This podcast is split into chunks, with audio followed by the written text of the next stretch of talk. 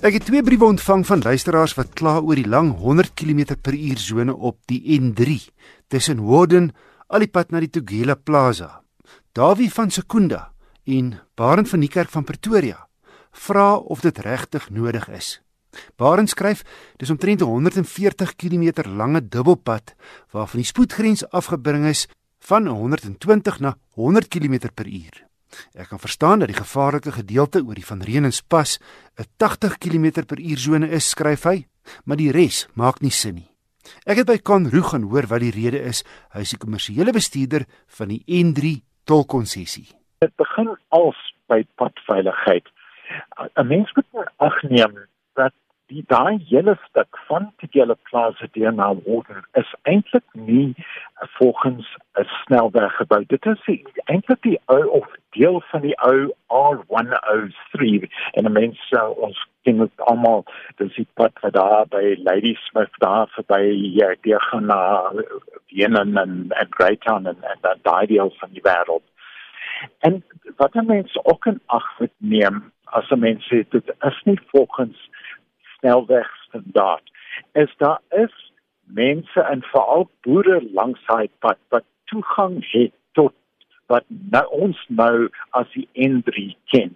Met hulle trekkers en met die bakkies wat saamry. So met ander woorde daai boer kom op die pad hy ry op die pad kom ons sê 20 km en hier kom dit kan ken 120 selfs 100 km dit is 'n groot massiewe spoedverskil en uiters gevaarlik. Daar tussen daai trekker en en die kar.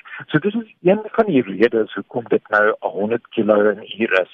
'n Snelweg is 'n pad waar jy geen toegang tot die pad het behalwe by 'n wisselaar. En daai deel van die N3 is dit nie die geval nie. Kan nou wil ek ook vir jou ander ding sê. Julie maand het ek met 'n Volvo toetsmotor daai pad gery En my toetskar sê vir jou wat die spoedgrens is in die instrumentpaneel. So ek het geweet daai is 'n 100 sone, maar wat ek waargeneem het van die karre rondom my is na 2 of 3 km dink hulle, "Hey, hierdie is 'n dubbelpad, ons kan maar 120 ry." So die meeste karre rondom my het spoed vermeerder. Miskien is daai 100 km/h bordjies net te ver uit mekaar uit. Ja, so baie dankie daarvoor. Ons sal dit definitief in ag neem en ons sal sien uh, ek sal dit nou ons tegniese afdeling weer ervoer en kom ons kyk ek dink ons sal ons sal definitief meer van hy 100 bordjies kan kon opsit. Soos ek aan die begin gesê het, dit gaan af oor padveiligheid. Uh, ek dink dit is om 7 van 30% van ongelukke op ons pad. Is ongelukke waar 'n trok en 'n kar betrokke is. So dit is weer daai geval van spoedverskil tussen die verskillende kategorieë van voertuig wat van ons pad gebruik maak. Kan en natuurlik daai pad het vreeslik baie swaar voertuie, nê, wat tussen Johannesburg en Durban beweeg en swaar voertuie beweeg maar teen 80 km/h. Dit skep 'n gevaarlike situasie absoluut reg so. Ehm um, en en om dink of weer net so syfer daar by te sit. Sien 35 of selfs meer uh, party daar en en veral in die nagte is omtrent 35% van alle voertuie wat van ons pad gebruik maak is trokke. So dis 'n geweldige groot aantal trokke wat van daai pad gebruik maak. Dit is 'n uh, die economic lifeblood van uh, die korridor tussen Durban en Johannesburg. Gaan net 'n ander saak wat my ook opgeval het is hoeveel volstasies nie in Julie maand oop was nie. Ek weet hulle word opgradeer, maar as ou en ag neem Desember gaan 'n besige tyd wees. Wanneer verwag julle gaan hierdie volstasies weer oopmaak? Ja, daar is wel drie volstasies wat heidaglik toe is of tydelik toegemaak is vir opgradering ons is uh, deur hulle uh, gesê dat al drie van hulle weer vir die vakansietyd gaan oop wees. Konru, die kommersiële bestuurder van die N3 tolkonssessie. Stuur gerus enige motorverwante briewe aan my. My e-posadres is wissel@rsg.co.za.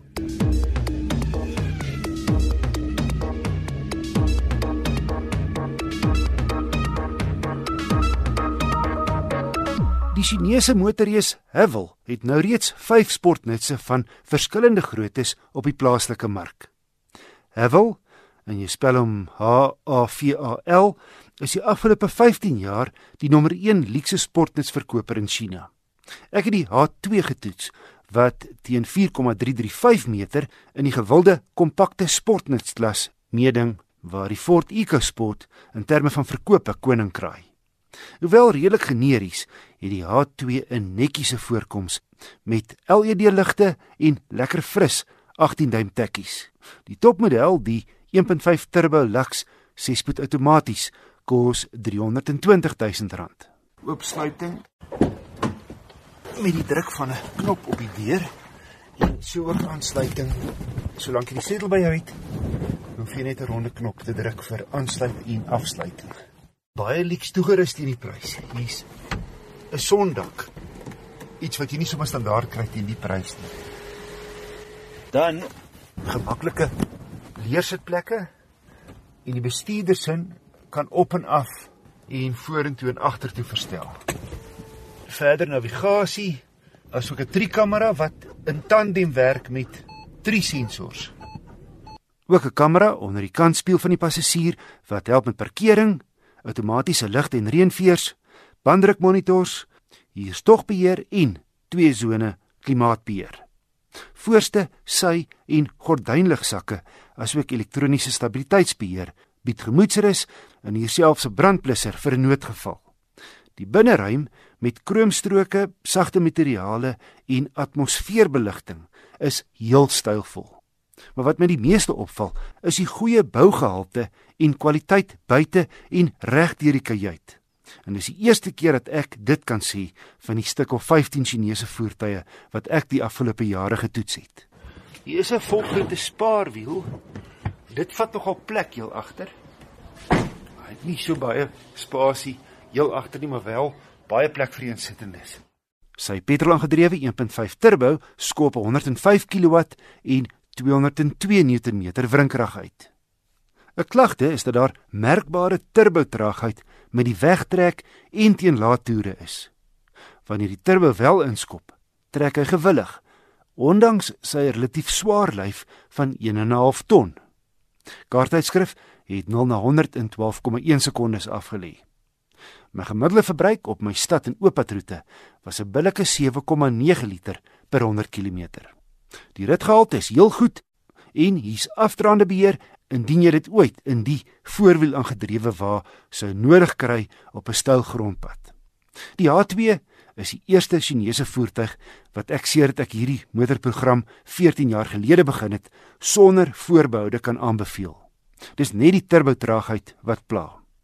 Die hele reeks bied egter baie goeie ware vir geld tussen 260 en 320 000 rand. Indien Havel die pryse relatief laer kan hou as die oppositie, is hier beslis vir die maatskappye toekoms in die land.